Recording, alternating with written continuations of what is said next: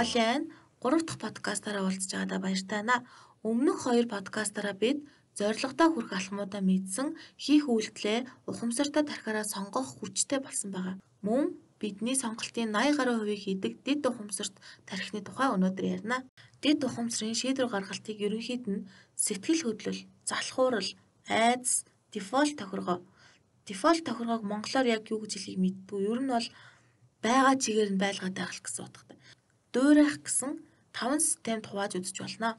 Эхний систем буюу сэтгэл хөдлөл. Энэ нь яг одоогийн сэтгэл хөдлөл ямар байгаагаас хамаарат сонголтууд хоорондоо өөр байдаг. Жишээ нь өчигдөр би тамхинаас гарна гэж шийдээд чадаж байсан гэж үзье.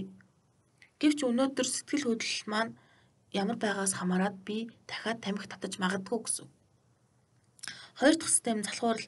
Залхуурлаас гарах арга бол хөшүүрэг. Хөшүүрэг гэдэг нь хийхээс өөр аргагүй нөхцөл байдалд өөрийгөө оруулах гэсэн. Жишээ нь та гэрээ цэвэрлэхээс залхуурдаг гэж бодвол гэрт чинь зочин ирэх үед та юун залхуурах мантай байдаг л гэсэн. Хөшүүргийг ашиглаж өөрийгөө бие ёстой төлөвт оруулахад эргээд төрүүчийн нэгдэх систем болох сэтгэл хөдлөл хэрэгтэй болдог. Гурав дахь систем нь айдас. Айдсаас болоод хүн урд нь хийдэггүй байсан үйлдэлүүдээ хийчдэг. Айдас нь нэг төрлийн хөшүүрэгтэй ажиллах. Жишээ нь Та үүнийг амжуулчихвал танд бонус цалин бодогдно гэх үед хүн боломжийг тийм ч хурдан шүүрж авдаггүй. Харин үүнийг хийхгүй байвал цалингаас ч хасагдана гэж хэлэх үед хүн тэрийг заавал хийдэг. Дараагийнх нь дефолт тохиргоо. Дефолт тохиргоог хүн боддог л доо. Би тэр анхны сонголтыг хийгээгүй. Тэгэхээр энэ сонголт биш гэж. Гэхдээ үгүй. Урсгалаараа яваад байх нь таны хийж байгаа сонголт гэсэн. Дефолт тохиргооноос гарахын тулд сэтгэл хөдлөл хэрэгтэй. Мөн өөр нэг жишээ гэвэл Та эрүүл хооллох зорилттой байлаач таны тавганд шарсан хүмүүс орсон байвал та тэрнээс татгалзаж чадахгүй гэсэн. Тэгэхээр анханасаа таны зорилгод нийцэхүйц сонголт үүсэж болохоор та тохируулах ёстой гэсэн. Мөн зуршил нь дефолт тохиргооны бас нэг хэлбэр байдаг. Өдий болтол хийдэг болсон зуршил амьдралын хэв маягаа өөрчлөхөд хялбар байдаггүй. Гэхдээ зуршлын тухай хэдүүлээ дараа нь маш дэлгэрэнгүй ярих учраас энд төр орхив. Дээрх дөрвөн систем дөрвөлээ сэтгэлээ хөдлөвчгөл шийдэж болохоор байгааз. Тэгэхээр эхний подкастаар ажилласан сэтгэл хөдлөлийн техникийг өдөр болгон хийх хэрэгтэй. Яагаад энэ сэтгэлээ хөдлөх техникийг хийгээрэй гэд байгаа вэ гэвэл хүний тархинд сэтгэл хөдлөлийн лимбик систем гэж байдаг. Энэ систем дотор хиппокампус гэдэг жижиг тархи байдаг.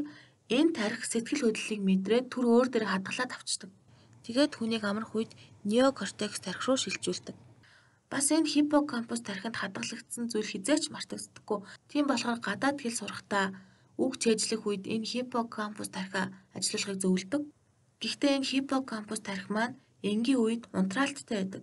Хиппокампус тархийг сэрээдэг сенсор байдаг. Сенсор буюу мэдрэгч байдаг нь визуал хэсгийг хариуцдаг. Тэгэхээр энэ мэдрэгчийг ажилуулж хиппокампус тархиа сэрүүн байлгахын тулд ерөөсөө төсөөлөх мэдрэхэл хэрэгтэй. Нууц гэд номыг та нар уншиж байсан бах. Тэр номонд төсөөл төсөөлсөн зүйл чинь ирээдүйд биелнэ гэж ярьдаг. Үүний шинжлэх ухааны тайлбар нь гэвэл та сэтгэлээ хөдлөх юм бол дэд ухамсар дэх сонголтуудаа нэг чигт болгож бүх сонголтууд чинь зорилгод чинь хүргэх болно гэсэн үг. Яагаад сонголт нэг чигт байх хэрэгтэй вэ гэвэл жишээ нь би жингээ хасах туранхай байх үр дүн хүсэж байгаа гэвэл хийх үйлдэл маань дасгал хийх, оройдоо салаад идэх, чихэрлэг зүйл идэхгүй байх гэж бодъё л доо. Тэгээд би дэд ухамсар тархитайгаа зөрчилтэй байх юм бол префронтал кортекс тархи маань хичнээн хүчтэй байгаад 7 хоног 14 хоног би тислээж нэг сэтгэлээр унах, нэг гимших ч юм уу мэдрэмт төрөхүйд нөгөө тисч байсан зүйлээ бүгдийг нь идчихнэ гэсэн. Тэгвэл энэ дэд ухамсарт тархиа өөрчилж чадвал би нөгөө оройныхоо салаатыг сэтгэл хөдлөлтөд иддэг. Чихэр эзнээс илүү таашаал авдаг болчихвол яах вэ? Эсвэл би тасгалдаа өөрийгөө арай гэж хүчилж явуулдаг байтал нөгөө тэр тасгалдаа сэтгэл хөдлөлтөөр явдаг болчихвол яах вэ? Дасгалтаа явмаар санагдаад шүн нойр хүрдэггүй болчихвол яах вэ? Яг иймэрхүү майндсет, майндыг чинь мастер хийх гээд энэ бүхнийг тань тайлбарлаад байгаа юм шүү. Тэгсэн чинь сэтгэл юунд хөдлөх вэ гэдгийг итгэл үнэмшил шийддэг. За хамгийн сүүлийнх буюу дуурайх. Энэ нь шийдвэр гаргахад хамгийн их нөлөөлдөг. Бид анх төрөөд л ярих, явах, идэх гих мэт үйлдэлүүдэд нэг бүрчлэн заалгаагүй ойр орчмын хүмүүсээс л даган дуурайд сурсан. Мөн цаашид ч насан туршдаа бид бусдыг дуурайна гэсэн. Тэгээд л амжилтанд хүрэхийн тулд амжилттай хүмүүстэй хамт бай гэсэн тийм үг ишлэлүүд байдаг гэсэн үг. mirror neuron гэсэн хэллэг байдаг. Тэр нь таны нейронууд бусдыг mirror хийж байдаг, толддог гэсэн. Тэгэхээр ямар хүнтэй ихэнх цагаа өнгөрөөх нь таны сонголтуудад нөлөөлнө. Жишээ нь амттан дуртай найзтайгаа байхдаа та ч бас нэг зармаг, нэг шоколад амдаа хийгээд л байна гэсэн. Энэ дуурайд сонгодог концепц нь өөрөө маш том л доо. Надаас коучинг тасгалжуулалт авч исэн нэг эмэгтэй байдаг. Намайг подкаст хийж эхэлснийг мэдээд сонсон байлаа. Тэгээд заавал өөрийнхөө түүхийг ярихыг хүссэн. Тэр эмэгтэй нөхрөө маш их харддаг. Тэр харилцаанд хэцүүхэн байгаа тухай надад ярьжсэн. Тэгээ би ямар шалтгаанаар хардаад байгаа юм бэ? Ямар нэгэн баримт олсон юм уу? Эсвэл урд нь тийм үйлдэл гаргаж байсан юм уу? гэд асуухаар үгүй зүгээр л цаанаасаа л хар төрөөд байдаг гэж хэлсэн.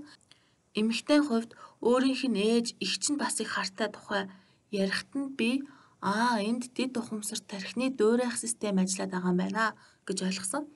Жишээлхэд нөхөр нь уцаа авахгүй байх тохиолдол гарч ирэхээр эмэгтэй нөхрлөгөө хинтээ байгаа яагаад ярихгүй байгаа селфи хийж явуул энэ гээд амар их мессеж ичдэг гэсэн.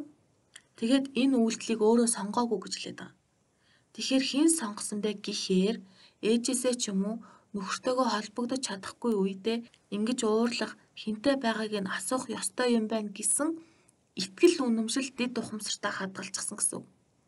Тэгээд хичнээн префронтал кортекс тарих нь нөхрөө тайван байлгана гэж шийдсэн байлаач нөхцөл байдал ийм сонголт хийлгээд байгаа гэсэн.